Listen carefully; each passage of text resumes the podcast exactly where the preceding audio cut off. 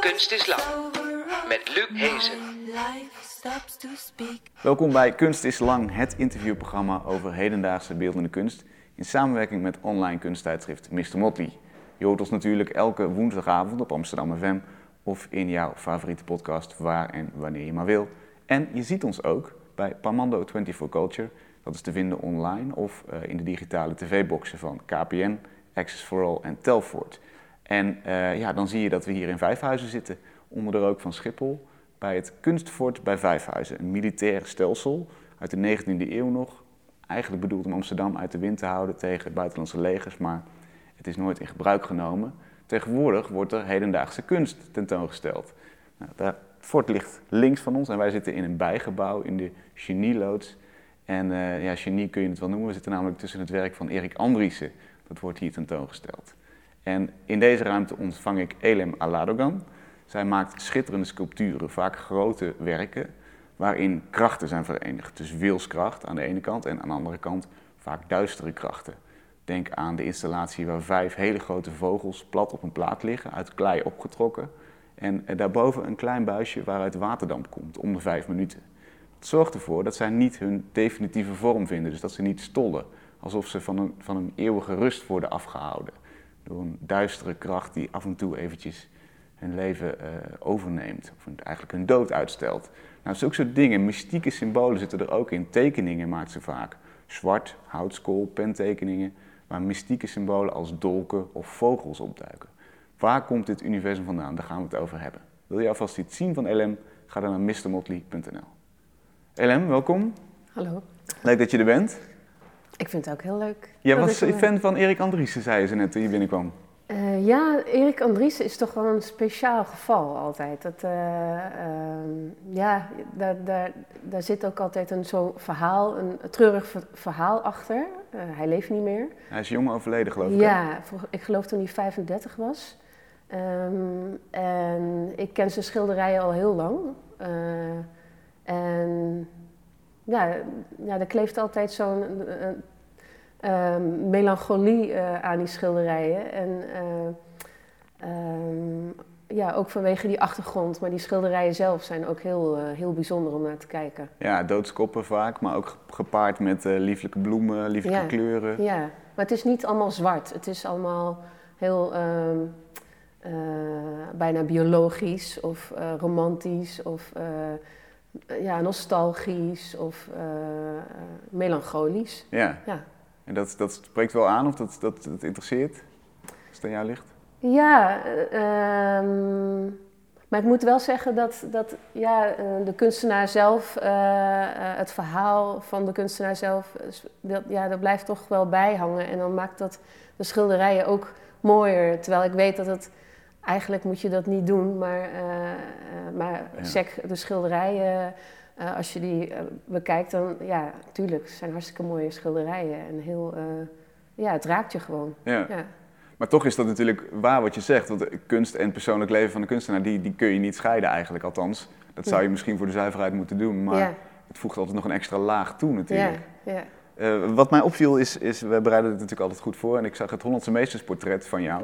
Mhm. Eh, een hele mooie reeks kunstenaarsportretten. En daarin zeg je ook dat, dat ik heb me uit een bepaald milieu moeten ontworstelen. Zeg je zo heel terloops eventjes. Wat, wat was dat voor milieu?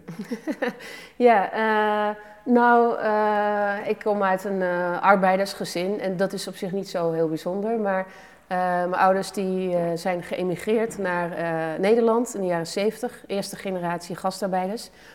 En eh, eh, komen uit Turkije. Ja, Ja. Eh, en het is niet zo makkelijk om dan te kiezen om kunstenaar te worden, zeg maar, uit, als je uit zo'n gezin komt. Dan moet je wel het een en ander overwinnen of ja, op een hele ja, vriendelijke manier. Dus niet om eh, je ouders juist eh, tegen te gaan, Mhm. maar juist om eh, ze mee te brengen. En dat vergt veel energie. Ah, zo, zo heb je dat aangepakt om, om ze echt... te betrekken bij de keuzes die ik wil maken. En die keuzes die ik wilde maken, die waren niet altijd makkelijk. maar ik probeerde dat altijd. mm, ja, ik probeerde ze altijd bij te betrekken. Met, eh, ook al begrepen ze niet zo wat ik maakte. En begrijpen, ze begrijpen het nog steeds niet. Oké, Maar eh, ja, ik vind het heel belangrijk om eh, eh, dan niet tegen te, te, te vechten, zeg maar. Mhm. Tegen te, om ze af te weren, Stoten, maar ja. juist te betrekken. En dat, want jij, jij kwam een keer beneden eh, toen je nog thuis woonde en je zei ik ga naar de kunstacademie. Ik wil kunstenaar worden. Ja, dat, ehm, eh, ik begon eigenlijk met de modeschool in Utrecht. Eh, eh, en daar had je dan verschillende richtingen. Presentatie, dat, dat was meer decoreren, etaleren, grafische vormgeving en fotografie. Realisatie, ontwerpen van, van kleding en commercie, dus marketing. En ik koos voor presentatie, omdat ik op de basisschool en middelbare school altijd ik was altijd degene die de lettertjes moest maken en de tekeningen moest maken. En, dus ik had wel een creatieve eh, achtergrond. Eh, altijd tekenen en eh pastelkrijt kopen en zo. Dus ik, ik koos voor modeschool, omdat je daar toch nog verschillende keuzes kon maken erin. En toen ben ik... En, en het lijkt nog meer op een vak misschien dan, dan kunstenaar gedacht vanuit een... Ja, ik had niet per se het idee, ik wil kun- kunstenaar worden. Nee. En dan pas na de modeschool ben ik naar de Willem de Koning Academie gegaan in Rotterdam. Mhm. Om grafisch vormgeving te doen. Dus Ja. dat, ja. En eh, je had het net al over iemand meenemen dan, hè? dus je, je wilde geen, geen tegenkracht bieden. En eigenlijk zit, zit die, die krachten die zitten heel erg in jouw werk. Eh, de- je zegt zelf, mijn werk gaat gaan over eh, ja, duistere krachten, maar ook wilskracht. Dus, dus het zijn twee tegenpolen eigenlijk. Ehm, Komt dat vanuit die ervaring? Eh, ja, het is grappig dat je zegt duistere krachten. Eh, dat kan ik begrijpen dat je duistere krachten erin ziet. Maar ik, eh, ze zijn niet zo voortgekomen of gerealiseerd uit een duistere kracht uit mij of zo. Hm. Zo ervaar ik dat niet. Maar er zit, ja, ik denk dat misschien angsten en angst is ook een kracht en, en ehm, hele sterke kracht en, en wilskracht en ja, allerlei verschillende krachten die, die mij fascineren en die, eh, die ik eh, ook eh, onderzoek, zeg maar, in mijn eigen leven, hoe ik daarmee omga. Laten we eens- toe, misschien aan de hand van een voorbeeld, dat, even uitleggen. Ehm Dendrogram Room vond ik een fantastisch werk van jou. We zien eigenlijk een aantal schaapachtige figuren uit keramiek opgetrokken, die eh, weerloos op, op hun rug liggen. Nou, iedereen weet dat het een foute boel is, hè? Dat, dat overleven schapen niet. In een soort klinische witte ruimte. Mhm. Hoe, hoe zit daarin eh, die, dit verhaal van de krachten? Kun je dat eens, dat eens toelichten? Ja, nou, het verhaal van die krachten, dat, eh, dat was een heel oud werk. De eerste werken die ik maakte, die waren heel erg voortgekomen uit mijn inspiratie en fascinatie voor natuur en biologie. En eh, eh, eh, je had bijvoorbeeld net over die vogels. Ehm, eh, ik vond het heel fascinerend om klei, dat klei water nodig heeft om in stand te worden gehouden. En te onderzoeken van hoeveel water heeft klei nodig. Als je te veel water geeft, dan wordt het sponsig. En te weinig gaat het barsten. En ik zoek de juiste hoeveelheid ja, evenwicht, zeg maar. Eh, om eh, de vogels die in klei waren gemaakt zo lang mogelijk in stand te houden. Ja. Eh, zodat je dan afvraagt, gaan ze nou dood of blijven ze nou levend? Of, maar het gaat ook eigenlijk over het durven loslaten van iets. Want het blijft allemaal in stand en je, de, er is sprake van controle. En, maar tegelijkertijd kan je niet alles eh, controleren, want de natuur heeft zijn eigen weg. En ja, er zit ook een emotionele gedachte achter die, die ik heel erg eh, eh, mm, fascinerend vind. En met die schapen, den, dendrogram, dat, dat, dendroïden, dat is afgeleid van dendroïden. En dat is een soort van samen ehm, vermenging van eh, steen en natuur. Mhm. Eh, en toen heb ik ook voor het eerst eh, met keramiek gewerkt, dus gebakken klei. En toen vond ik het als beeldhouwer ook interessant. Hoe kan ik nou ehm, keramiek ook zo... hoe heet dat? Sterk laten overkomen, eh, plastisch. eh, als, eh, want als je klei bakt, dan wordt het heel erg dof en mat. Mhm. En, maar natte klei eh, ziet er heel organisch uit. Dus ik vond het heel eh, interessant om keramiek op zo'n manier te, te maken dat het nog steeds organisch lijkt. En ehm, ik was, eh, die Dendrogram Room is ontstaan door mijn reis in Australië. En eh, in Tasmanië was ik en daar zag ik een eh, boerderij. En toen eh, zag ik al die boeren in een eh, forse tempo die schapen scheren, tonderen, zeg maar. En dat ging met zo'n rap tempo eh, en, eh, en allemaal buizen naar de plafond eh, met eh, rugbeugels, zeg maar. Zodat al die boeren, eh, die moeten de hele dag bukkend eh, scheren. Maar eh, er was zo'n hele band om hun middel, zodat ze geen rugpijn hebben. En eh, het was allemaal zo heel erg eh, fabrieksmatig hoe dat allemaal ging. En ik vond het heel erg eh, ontroerend hoe die schapen zo weerloos heen en weer werden gelegd in een bepaalde houding. om, die, om het te scheren. En het, het zag er heel bijna, het zag er heel knullig uit, maar ook bijna futuristisch. Ja, En ehm, dat, dat beeld wilde je vastleggen en... en ja, ik wilde een, een soort van showroom maken bijna. Een hele klinische, alsof je een auto presenteert. En waarbij je dan eh, die schapen eh, tentoongesteld ziet. in die bepaalde bevroren houding. En ook ge- geïnspireerd op die hele oude, eeuwenoude oerwouden in eh, de forest in Australië, waarbij eh, de oerwouder zichzelf eeuwenlang in stand houdt Mhm. door eh, de voedingswaarde van alle blaadjes vallen op de grond en er komt weer omhoog en, en wordt weer opgenomen in de planten en bomen. En ja, dat idee van, van die planten, wat ook in, die, in, het maken, in het maken, in het beeldhouden van die schapen, dat zie je daar ook in terug omdat je daar ook bepaalde vormen ziet Vormen van, van pla- van ja, bladen. bloemen, planten. En, ja.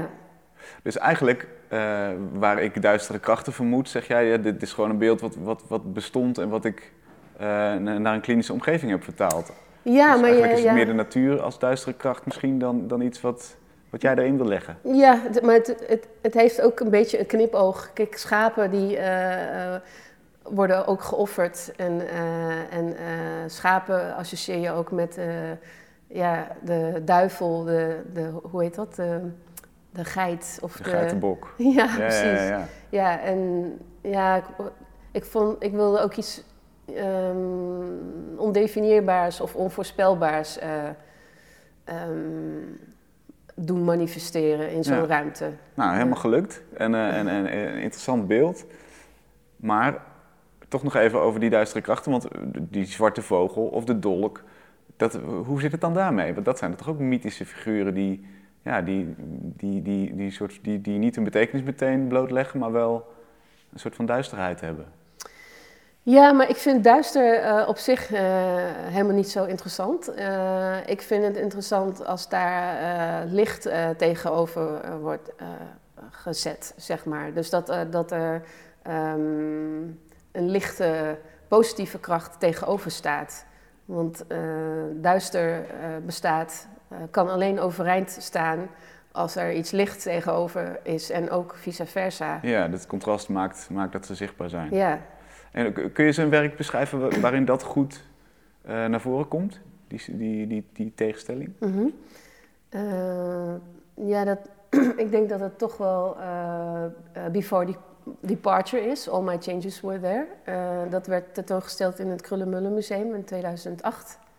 Ik denk dat dat... daar- Omschrijf het beeld eens voor, voor de mensen die het niet kennen. Ja, dan neem ik even een slokje water. Ja, dat is heel goed. het is een, la- een lange beschrijving. nou, dat, dat beeld is ontstaan toen ik een reis maakte door eh, Amerika. Mhm. woestijnreis. En eh, drie maanden heb ik in mijn eentje rondgereden. en ik, eh, bleef maar rijden eh, eh, naar de horizon, zeg maar. En, en in mijn eentje. En dat, dat is iets wat ik altijd al wilde doen. Want ik ben opgegroeid met ehm, best wel beschermd opgevoed, zeg maar. Dus dat komt ook een beetje. ik denk dat als je juist niet zoveel vrijheid hebt ervaren in, in je verleden, zeg maar, dat je dan juist hele extreme dingen gaat doen als je ouder wordt.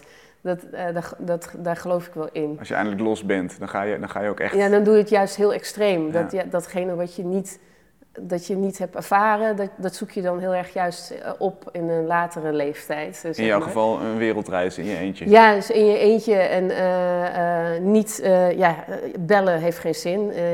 En je hebt alleen je portemonnee in je auto. En, Hoezo? Bellen heeft geen zin?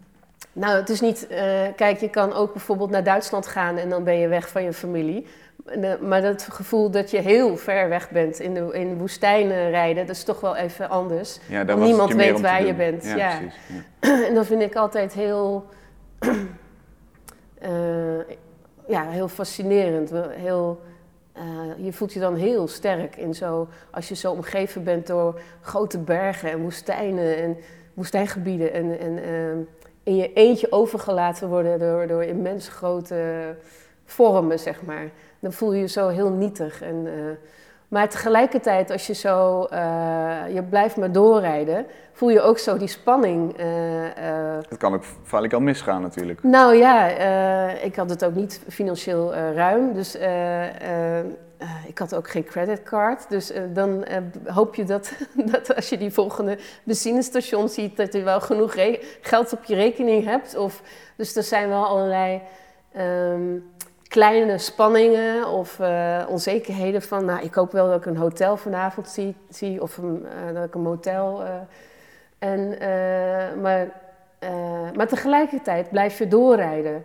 En toen ik terugkwam na drie maanden, vond ik dat een heel interessante gewaarwording en ervaring om zo dat idee van door blijven rijden eh, en doorbewegen en tegelijkertijd dat gevoel hebben van een soort van angst of ehm, iets wat je tegenhoudt, zeg maar. Want normaal gesproken als je angst voelt, eh, dan wil je stil blijven staan en dan wil je niet doorgaan. Of dan Ja. wil je onder de dekens, of dan, wil je niet, eh, dan durf je niet de telefoon op te nemen. Of dan... Dus, dus bewust door je angst, je bewust je angst negeren en, en, en doorrijden, daar, daar ging het om. Ja, ik vond, ik vond die eh, dynamiek vond ik heel interessant. Van door blijven rijden in verzet tegen je eigen angst, je eigen angstoverwinning. En toen dacht ik, hoe kan ik nou zo'n beweging eh, eh, in kaart brengen, in, in, in beelden, zeg maar. En toen zocht ik eh,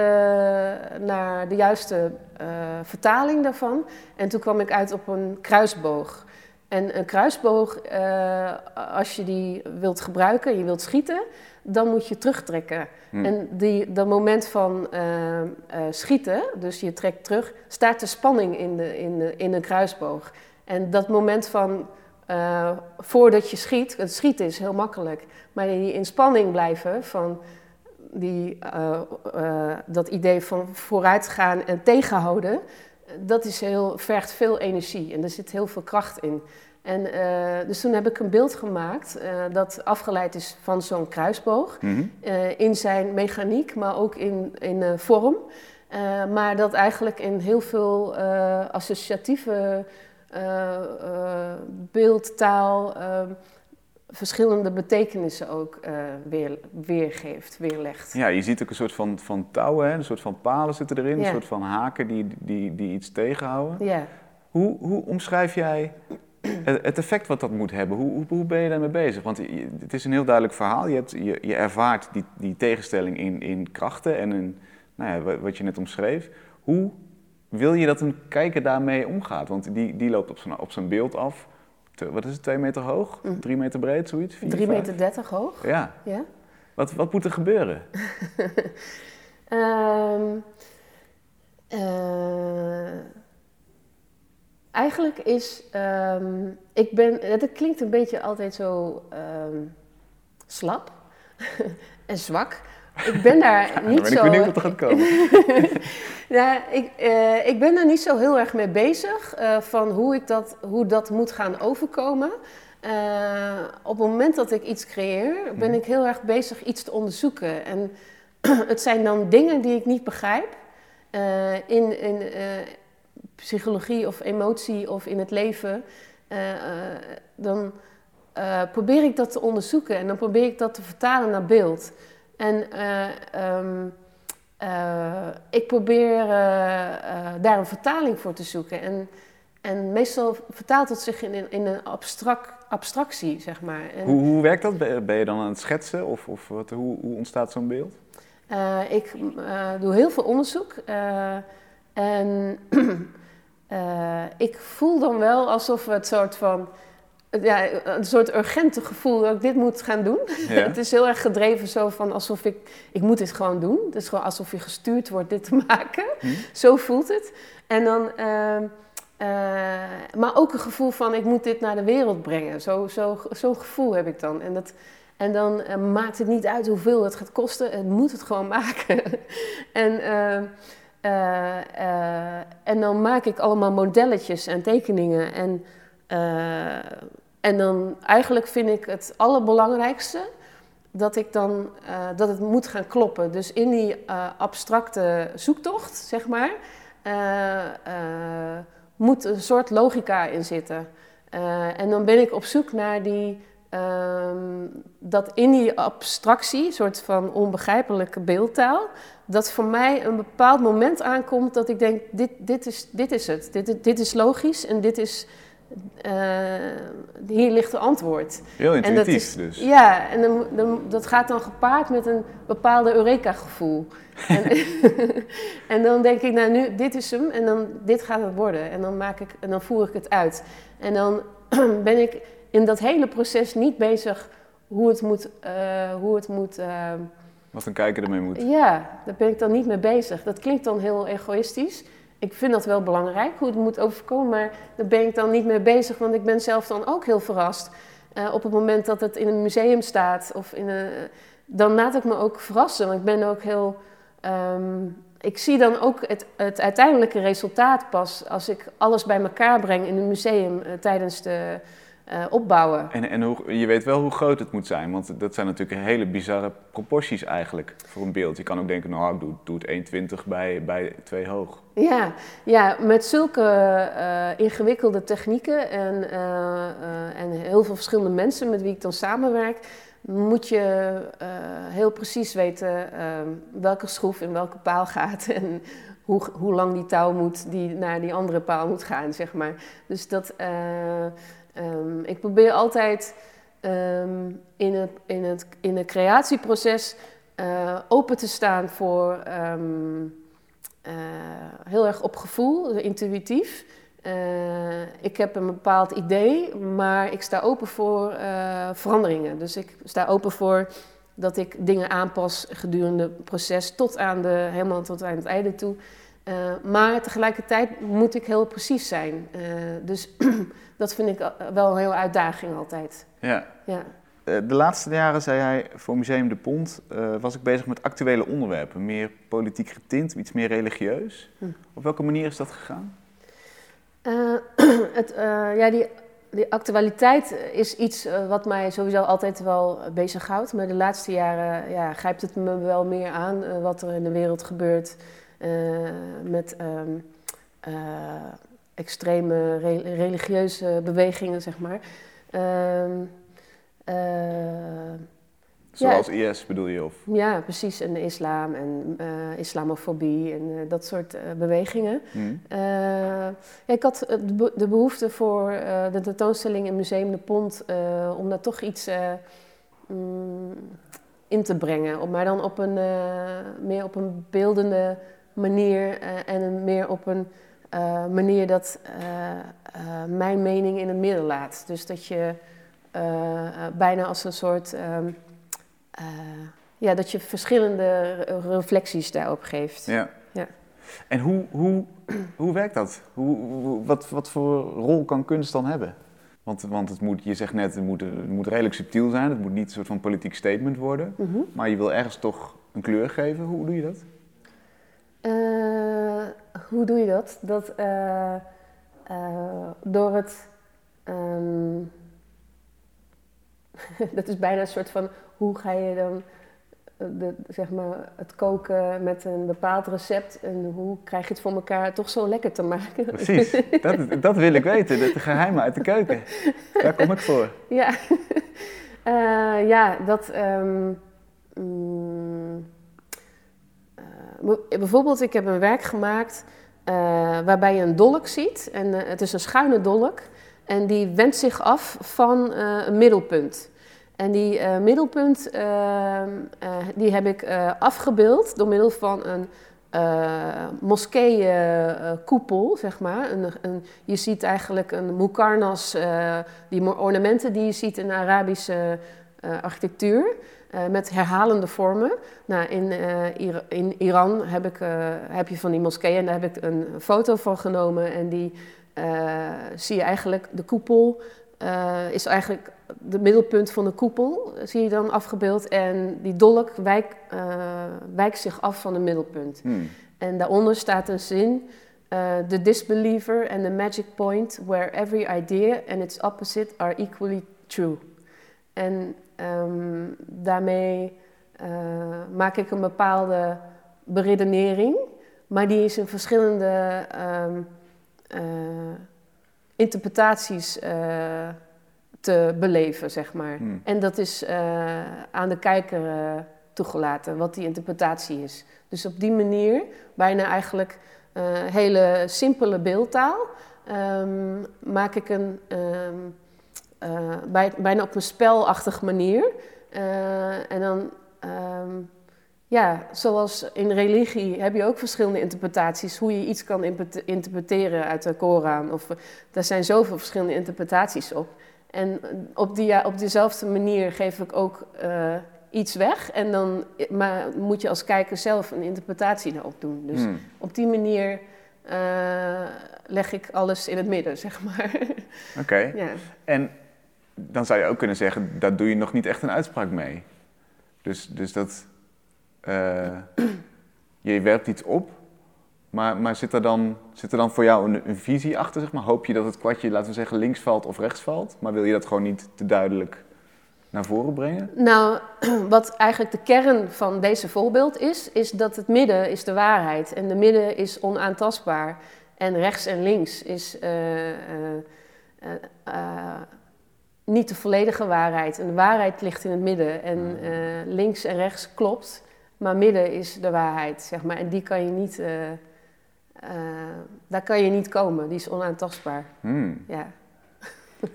Oké, heel symbolisch wel. Echt heel. heel je, je leunt ook op de beeldtaal van, van veel geloven, wat mij betreft. Ik zag de de print uit 2015. Whatever the mind can conceive and believe it can achieve. Mhm. Ehm, ook eigenlijk een soort, soort mantra dat in een cirkel staat geschreven en steeds kleiner wordt. Dat, dat heeft iets, iets boeddhistisch in beeldtaal, maar het lijkt ook op een soort van bidprint. eh, uit de christelijke iconologie. Islamitische kunst heeft het iets mee te maken Mhm. al die dingen samen, die zitten dan in een soort van nieuwe beeldtaal. Die, die misschien iets religieus insinueren, maar het helemaal niet hebben. Nee. Is, is, is, is het ook daarom te doen, zeg maar? Speel je met die elementen, maar bieden ze niks? Nou, ik, ik speel eigenlijk eh, met eh, de kracht van de geest. En eh, ik ben heel erg ehm, eh, gefascineerd hoe krachtig dat eigenlijk is. Hoe je, hoe, je, hoe je krachtig in iets kan geloven en dat, dat, dat je je waarheid eigenlijk zelf maakt. En waarheid is altijd veranderlijk en altijd dynamisch. En waarheid is altijd ehm, is niet statig en eh, gaat met de tijd mee, zeg maar. Hm. En eh, ergens in geloven eh, is een heel machtig iets, zeg maar. En je kan ook zeggen, geloven... je kan door het geloven in iets dat, bereiken, zeg maar. Dat, dat, dat, dat, dat vind ik... Dat is die heel- wilskracht weer. Ja, dat is de wilskracht. Ja. En, ehm, daar ben ik heel erg door gefascineerd. Ja, daar gaat het eigenlijk over. En daar komt religie ook bij kijken. Dus Hoe kijk je dan in, in dat licht naar wat, wat Erdogan nu doet in Turkije? Dat is Mhm. natuurlijk ook, nou ja, als je het over wilskracht hebt en je eigen geloof en je eigen pad bepalen, is dat natuurlijk een heel interessant voorbeeld. ja. Hoe, hoe, hoe kijk je daarnaar? Ja, ik vind het eh, verschrikkelijk. Eh, ik, eh, ik, heb, ja, ik heb een grote eh, hekel aan die man. Hm. Ja, dat eh, zeg ik gewoon eh, duidelijk. Ik, het is gewoon een dictator en hij is zo hypocriet en roept allerlei dingen wat aan een bepaald schijn op legt en bijna de- democratisch voordoet. Maar het is totaal niet democratisch en ik snap er helemaal niks van dat er mensen in Nederland leven, Turkse gemeenschap, die eh, totaal blind zijn en denken dat dat allemaal democratisch is. En eh, eh, dan denk ik, ja, als je zo ontzettend daarvoor staat, ga naar Turkije toe, denk ik dan. Oké, dat onderscheidt Ja. je wel wat... wat Ja, dan weet je wat- democratie is. ja. Dan, dan kan je dat daar maar beleven. Wat, en dan, en dan spreek ik je over tien jaar wel hoe dat is. ja, ja, dat vind ik echt. maar ehm, ja, ik vind het gewoon ik, eh, ja, interessant, onbegrijpelijk. En, en, eh, er, zijn, er zijn altijd heel veel onbegrijpelijke dingen eh, om je heen die, die je zo bezighouden. En dat maakt het leven dan ook zo interessant. Van, Zou, zou zo'n Erdogan, die, die, die oh, zeker een bepaalde wilskracht heeft en, en, en daar ook effect mee sorteert, zou dat, zou dat een werk kunnen opleveren? Zou dat vertaald kunnen worden naar jouw kunst? Nee, ik, ik, eh, ik zal nooit eh, een, eh, iets letterlijk maken. Dat- Nou, het hoeft niet per se letterlijk niet, Ja. zeg maar, het hoeft geen portret te zijn of Ja, zo, maar ik bedoel, het kan ook zijn dat je gefascineerd bent door, door welke, welke machtsstructuren daar zich afspelen. ja, kijk, als je machtsstructuren zegt, dan vind ik dat interessant om daar iets mee te doen. Maar ik zal nooit over een bepaald persoon werk maken. Zo, of- act- zo actueel wordt nee, het dat, niet. Nee. Doe, ik- nee, dat vind ik niet. ehm, mm, niet dat ik dat eh, eh, interessant vind bij kunst. Eh, je hebt heel veel kunst die heel erg politiek getint zijn, echt letterlijk. Dat, ik vind dat wel interessant, maar ik ben niet zo iemand die dat kan maken. kan maken of wil maken? nee, Wat- het, dat, kan ik, dat lukt mij niet. En dat wil ik ook niet. Wel eens geprobeerd? Nee, nee, niet geprobeerd. Ik vind dat ook niet interessant. Nee, om, precies. nee. Wat, wat moet kunst doen voor jou? Dat is een hele brede vraag, maar wat, wat, wat moet het doen? Eh,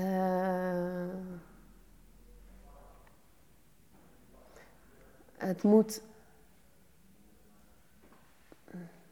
Nou, het, het moet op zich niet, maar eh, ik vind het wel mooi als je eh, heel lang naar een werk kijkt en het blijft fascineren en je verrassen en dat je iedere keer iets anders erin ziet en dat je ehm, iets niet begrijpt in het werk. En dat niet begrijpen vind ik. ehm, het is een heel, hele kunst om een werk te maken eh, wat zich uiteindelijk tot iets niet begrijpen eh uitmondt, Mhm. zeg maar. Mhm. Eh, maar dat dat niet opzettelijk gedaan is. Dat vind ik Dat het geen trucje wordt. dat het geen niet een trucje wordt, Mhm. ja. En dat vind ik heel uitdagend om te, eh, te maken, zeg maar, in een werk. Je, je, ja. zei, je zei eerder al dat ik, ik voel of iets goed is en of iets logisch is. Ja. Maar benader je het dan ook zeg maar, vanuit een, een, een blank persoon die nog niks heeft gezien, als het bijna af is bijvoorbeeld, kan ik me dat voorstellen dat je een soort van test bijna doet. Zo van, hoe gaat men dit, dit te lijf? Hoe, welke associaties komen erop? Is- Werkt het zo voor jou?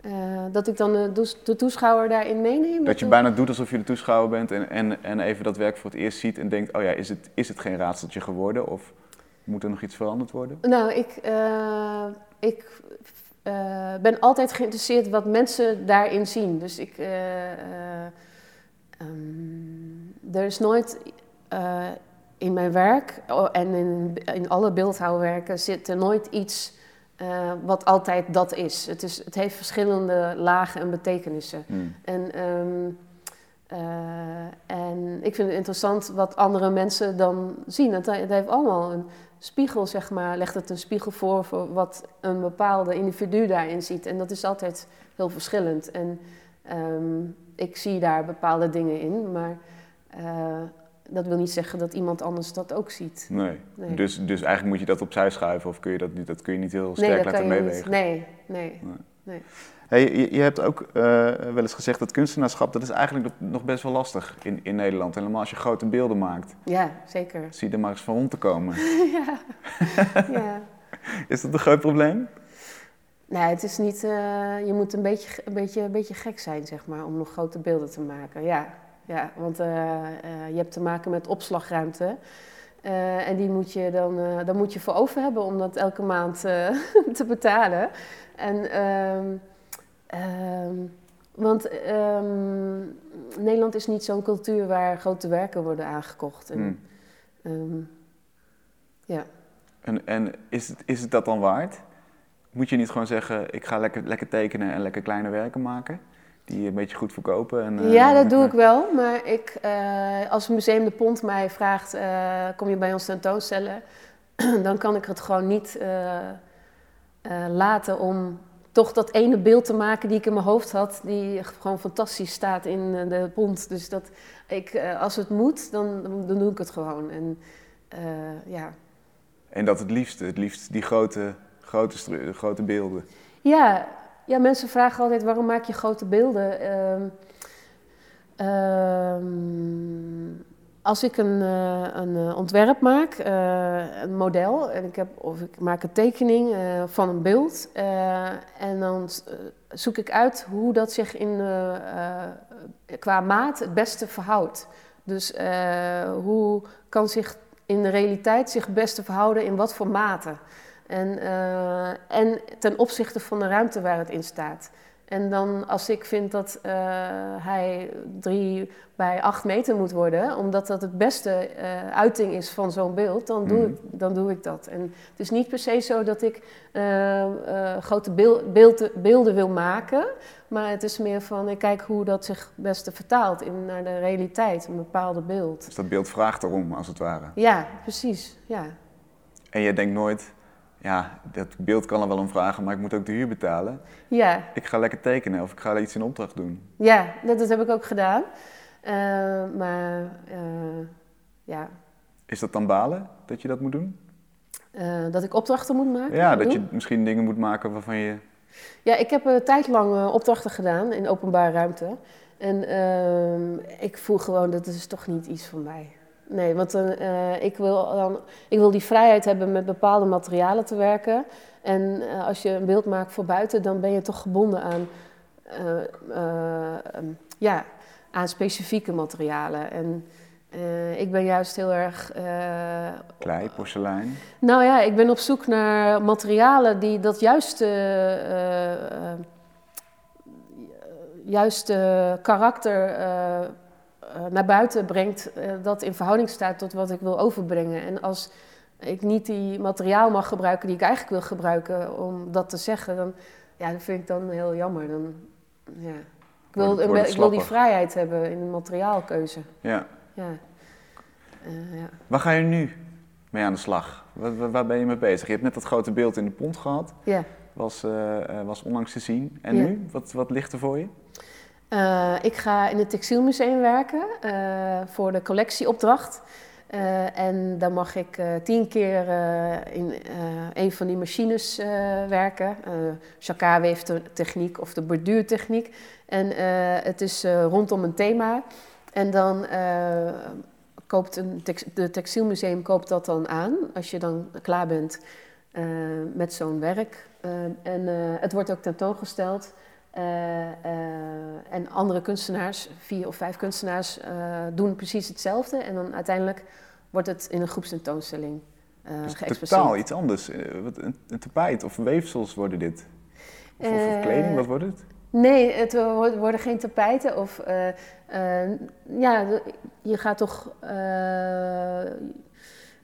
ik heb voor Museum de Pont heb ik ook werken gemaakt van textiel. Eh, en dat, zijn, eh, dat is een afbeelding van iets. En dat is eh, met borduurtechnieken bewerkstelligd. Of een foto op eh, print op stof. Dus je kan daar ook eh, andere dingen mee maken dan tapijten en Ja, daarvoor kleden. oké, oké, oké. Nee, want dat, dat zag ik nog niet zo direct terug in de lijn van jouw werk. Maar eh, Mhm. Nee, ik heb vaak eh, textiel eh, ge- gebruikt in mijn werk. Ja, Ah. Ja dat. eh, Ehm, bijvoorbeeld het vilt met die kabels of, eh, Ja, eh, ja. ja, of de leer. Of, ehm, ook, ik heb een keer een, een lijst gemaakt van stof en geborduurd. En, ja. Interessant. Wanneer kunnen we dit zien? Wat je, waar je nu aan de slag gaat? Ik geloof volgend jaar, in 2018, januari, geloof ik. Ja, En het, het betaalt oké? Je, je kunt uit tot die tijd? Eh, ja in combinatie met lesgeven. Oké, oké, maar, maar dat is minder vervelend, denk ik, toch, als, als, als bijbaantje? Of is dat, is dat ook een beetje een moedje? Eh, nee, ja, eh, ik, ik vind het gezond dat je ook iets anders doet dan beeldend kunstenaar zijn. En ja, soms is het vervelend, dan denk je, dan heb je gewoon te weinig tijd per week om aan je eigen werk te komen. Ja. Maar aan de andere kan- kant krijg je zoveel energie terug van studenten. En, eh, Academische studenten zijn dit. ja, academische studenten. Ja, dan, eh, ja het, eh, het is allemaal heel mooi in balans. Nou, dan sluiten we daarmee af. Dankjewel. Ja. Leuk dat je er was, Helen. Ja, Kunst is lang. Met Luc Hezen. Je luistert naar Kunst is Lang, het interviewprogramma over hedendaagse beeldende kunst. In samenwerking met online kunsttijdschrift Mr. Motley. En natuurlijk met Voor de Kunst, het crowdfund-platform voor de creatieve sector.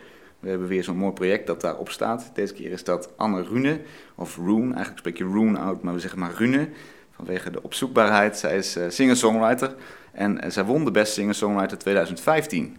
Anne, welkom. Hoi, hallo. Leg kort uit, wat, wat, voor project ga jij crowdfunden? Ik, eh, ik ga de opnames van mijn eerste full album crowdfunden. Ja. En in 2015 eh, won jij dit programma. Mhm. Dat klinkt als een heel goed moment om meteen te zeggen: bam, album eruit en eh, lekker gaan. ja, dat was ook wat mij eh, heel hard eh, werd aangeraden. Maar mijn muziek en mijn band en het team was op die moment echt nog niet, nog niet klaar om, om een full album te maken. En ik had net een klein EP'tje in eigen beheer uitgebracht. En voor mij, sinds dat ik soort van elf jaar ben, ik droom al van dit debuutalbum sinds toen. En het, moet, het moest echt helemaal kloppen voor mij om echt een, een album met twaalf nummers uit te brengen. En ik dacht, ik heb maar één kans om het dan om één eerste grote indruk te maken. En dan Ja. wil ik het echt in een top, top studio, met een top producer en allemaal ongelooflijke muzikanten gaan doen. En wat voor beeld had jij voor ogen? Wat, wat moest dat voor eerste album worden? Waar, ik heb een enorme orkestrale eh, voorliefde, dus het moest sowieso een album worden met strijkers en met blazers. En, en waar ik zelf de arrangementen van eh, kon maken. En ja, op die moment wist ik ook nog niet echt waar mijn muziek exact ging eindigen. Of waar, eindigen is een slecht woord, want het blijft groeien. Ja. Maar ehm, waar echt mijn, mijn unieke stempel lag. En die heb ik nu in de laatste twee jaar wel, wel echt gevonden. En nu is, nu is het moment voor mij wel echt daar om, eh, om die plaat te gaan maken.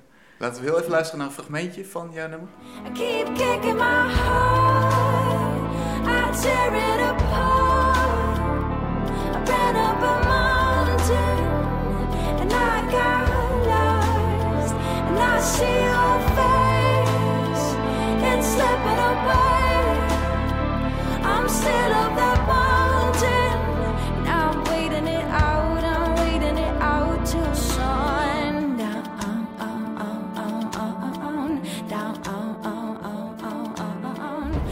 Wat was er allemaal nodig voor dit project? Je zei, net orkestraal. Was het, moest, het, moest het groots? Maar het, het grootste, het moet niet, maar het is voor mij wel een, eh, een meerwaarde. Ja. En dan eh, de eerste keer dat ik met Rijn Ouwehand ging werken in de church, dan kom je binnen in een kerk en er staat echt een schatkist aan instrumenten. Wie, Dus- wie is Rijn Ouwehand? Voor mensen die niet zo... Rijn Ouwehand is eh, een producer. Ehm, wacht, ja, hoe moet ik dit uitleggen? Legendarische producer? Ja, voor, voor mij... hij is ook onder andere de producer van Mr. Mississippi en van Kane. Maar ehm, ik heb hem echt leren kennen in een samenwerking toen ik ooit eh That's Live, de, de eerste single, ging opnemen. En hij Dat snapt... is live van, hij- van, van BNN, hè? Programma, live programma. Nee, nee, dat Oh, is mijn single? eigen eh, Oh, single, het finale nummer van, eh, van de Best Singer-Songwriter. Oh, ja. En hij snapt mijn klassieke achtergrond heel hard. En hij snapt ook ehm, het hele bombastische. Hij snapt mij als, als muzikant, als zangeres. En die, die samenwerking met hem was echt... Dat was ja, gelijk twee magneetjes die zo samenkwamen en die dan iets heel tof gingen maken. En Mm. dan, nu, een jaar later, hebben we dan de, de eerste drie singles voor het album opgenomen. Eh, dat was dan eh, in, in juni vorig jaar en in september. En ja, dat, dat ging alleen maar beter en beter en beter. En die sound is echt ontwikkeld daar. Dus ik, ik wil echt met hem die plaat gaan maken. Ja. En eh, het idee is dat het album gaat over een heel jaar aan emoties, hè? Ja. Kun jij eens een van die, die nummers eruit lichten? Of wat voor hoofdstukjes gaan we horen? Goh, het, het, begint allemaal met Recoil eigenlijk. Ehm, die ging oorspronkelijk niet op de plaat komen, maar eh, aangezien dat we nu over de 100% zitten en eh, wij kunnen eigenlijk nog een extra nieuw doel, stellen, zou die er eigenlijk nog bij kunnen. En dat gaat over het overwinnen van een ziekte. En dan eigenlijk alles daarachter is eigenlijk het, ver- het vervolg van een, van een, of het verloop van een relatie. Echt van het verliefd worden, die edge, eh, vallen van de afgrond, maar dan verliefd worden. Ja. Ehm, tot echt tot, tot twijfels in een relatie, eh, tot, het, ehm, ja, tot de echte heartbreak, dat is dan Sundown. En dan eh, de periode daarachter, A Little Fire, hoe dat je terug je eigen, eh, hoe dat je terug wat hoop en energie terugvindt en hoe dat je erover geraakt. En ehm, ja, al die nummers hebben een soort van een chronologische volgorde wel. Ik weet niet of ze zo op de plaat komen, misschien wel. En het, het is een deel autobiografisch en een deel gewoon een uitvergroting van alle gevoelens en alle emoties die te maken hebben met een, een relatie. ja. En is, is, is dit onderwerp ook al wat je vanaf elf jaar voor ogen had? Nee, ik denk dat dat gewoon ontstaan is. En ik heb altijd wel graag geschreven over, over, ehm, over emotie. Dat, ik denk dat elke, elke singer-songwriter dat wel, eh, dat wel in zich heeft. Mhm. Ehm, en ik, ik, ja, ik, vroeger heb ik altijd inspiratie geput en ik wou nooit echt liefdesnummers schrijven, want ik vond het altijd een beetje cliché. Maar Ja. Nee, dat is, er is een cli- clichés zijn er gewoon om... Nee, wacht, dit, dit, leg ik verkeerd uit, moet, dit moet ik even afknippen. Ja. Maar ik schreef vroeger niet zo vaak over, over de liefde en over relaties, omdat dat... Ik weet niet, ik, had- ik had zo het gevoel dat ik daar nog niet genoeg van afwist om daar dan echt over te gaan schrijven. En het is, het is toch het allermooiste onderwerp om, om, eh, om over te schrijven uiteindelijk. ja. Omdat het over pure emotie gaat. Wat ik me altijd afvraag bij, bij singer-songwriters, is het dan ook omdat je publiek daar heel veel affiniteit mee heeft met, met, met liefde? Ik bedoel, je, je kunt natuurlijk iets heel privé schrijven en iets heel erg wat voor jou helemaal klopt. Maar als dat niet, niet raakt bij het publiek, dan heb je misschien helemaal geen goed nummer. Maar ik denk, ja, liefde is sowieso het meest universele onderwerp ter wereld, denk ik. Ehm, en iedereen aanvaardt, eh, het. Iedereen eh, beleeft het op zijn eigen manier. Maar ehm, als je je eigen ervaringen op zo'n manier kunt beschrijven dat je iemand ehm, daarmee kunt inspireren of daarmee kunt raken, wil het nog niet zeggen dat zij het ook exact zo moeten hebben meegemaakt om zich daarin te kunnen inleven. Ehm, en daarom denk ik ook niet dat, dat, dat, dat het een probleem is om autobiografisch te schrijven, omdat het gaat over het gevoel bij de situatie en niet over eh, de situatie zelf eigenlijk. Ja. Ehm, wat is het meest bijzondere nummer wat erop staat? Wat is het meest obscure of, of rare of, of leuke nummer wat erop staat wat jou betreft? Oh, dat is een hele moeilijke vraag. Maar voor mij het meest bijzondere is Recoil. Eh, die eigenlijk pas sinds dat we over de 100 zijn geraakt, eigenlijk erop kan, eventueel. Dat is Maar een, waarom is hij zo bijzonder? Ja, voor mij was dat een, een, omschakeling. Ehm, ik was een, ik was hele, po- een po- hele poos ziek geweest en eh, ik, eh, ik nam medicatie die mij eigenlijk een beetje apathisch maakte op een of andere manier. Het is moeilijk om uit te leggen, maar ehm, ik, ik ja, nee, ja, misschien moet ik dit niet, niet in het interview zeggen. Even- nee? Vertel. Nee, ik ben, wel, ik ben wel benieuwd naar wat er dan achter zit of waarom het zo bijzonder is. Maar eh, kies je eigen woorden ervoor, wat je wil vertellen. Ja, het is moeilijk om kort uit te leggen, omdat ehm, mijn, mijn schildklier, eh, ik had problemen met mijn schildklier en dan, die was twee jaar stilgelegd en dan leef je eigenlijk op vervanghormonen. En in principe is dat perfect leefbaar, is perfect eh, mogelijk om daar gewoon normaal leven mee verder te zetten. Maar dat maakte mij wel heel, een beetje, een beetje zoals een, een gecompressed mix die zo... Ik weet niet, er waren Vlak. geen... Ja, een beetje afgevlakt. En ik heb dat nooit echt beseft tot ik stopte met die medicatie. En die week daarna heb ik echt gehuild en gelachen om alles. En voor mij was dat een moment dat ik... ehm, ja, dit nummer zegt ook I will live again, I will love again. En op die moment heb ik... Ik heb nog nooit zo intens gevoeld van... Wauw, ik heb dit twee jaar gemist om zo'n intense emoties te voelen. Of om toch fysieke reactie te krijgen op de emotie eh, die je meemaakt. En dat is zoiets belangrijk als muzikant eigenlijk ook, om je te kunnen inleven en om te kunnen schrijven voor mij ook. En alles dat daarachter geschreven is, is echt... Dat zijn allemaal nummers die dan, waar, ik, waar ik te veel meer bij kan voelen. dus dat is, ja, dat, het, het, de titel van het album wordt ook Residue and Lover's Dust. En dat is de laatste zin van, eh, van Recoil. Dus dat nummer, ja, dat, dat is super speciaal voor mij. Ja, kan ik me goed voorstellen nu inderdaad. En, en, eh, hoe vertaal je dat gevoel van een soort van weer opbloeien in, in een nummer? Ehm, dat is een moeilijke... Ja, het, nummer heeft een, een hele, hele lange opbouw. Ehm, en er zit constant een, een, eh, een, een hartslag-kick in eigenlijk. De, de drums die gaan van in het begin, die, die hartslag, die blijven die soort van spelen tot helemaal op het einde. En het nummer bouwt echt uit van, van een hele simpele gitaarpartij en enkel die kick voor een heel lange tijd naar een, naar een volledig orkest en alle stemmen en alles. Ja, eigenlijk zoals dus van hoe meer emotie erbij komt, hoe meer instrumenten en hoe meer het het uitbouwt. Ja, alles opent zich. Ja, maar mensen kennen en- enkel de solo-versie van mijn auditie.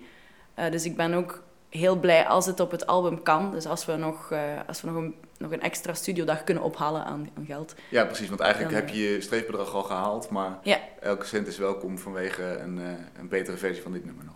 Ja, voor ons betekent dat dat we extra studiodagen kunnen plannen als er nog extra geld zou binnenkomen. En dan betekent dat ook bijvoorbeeld een extra strijkersdag, extra blazersdag of een, eh, een extra dag voor het koor. En dan kunnen die nummers echt al het arrangement krijgen dat ze verdienen. En dat is, ja, verdienen is een, misschien een, ja, hoe kunnen songs iets verdienen? Maar als ik het exact zou willen maken zoals ik het heb uitgedacht, twee jaar lang, dan hebben die extra studiodagen eigenlijk wel nog nodig. Dankjewel, bij deze genoteerd. Zoek op voordekunst.nl Anne Rune, R-U-N-E, en dan eh, vind je haar project zeker. Succes! Dank u wel. Wij zijn de volgende week weer. Tot dan.